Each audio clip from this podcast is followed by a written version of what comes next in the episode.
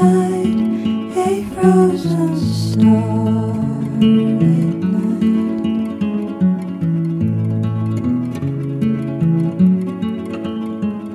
Your voice is rain and sounds like light snow that flutters down to the ground.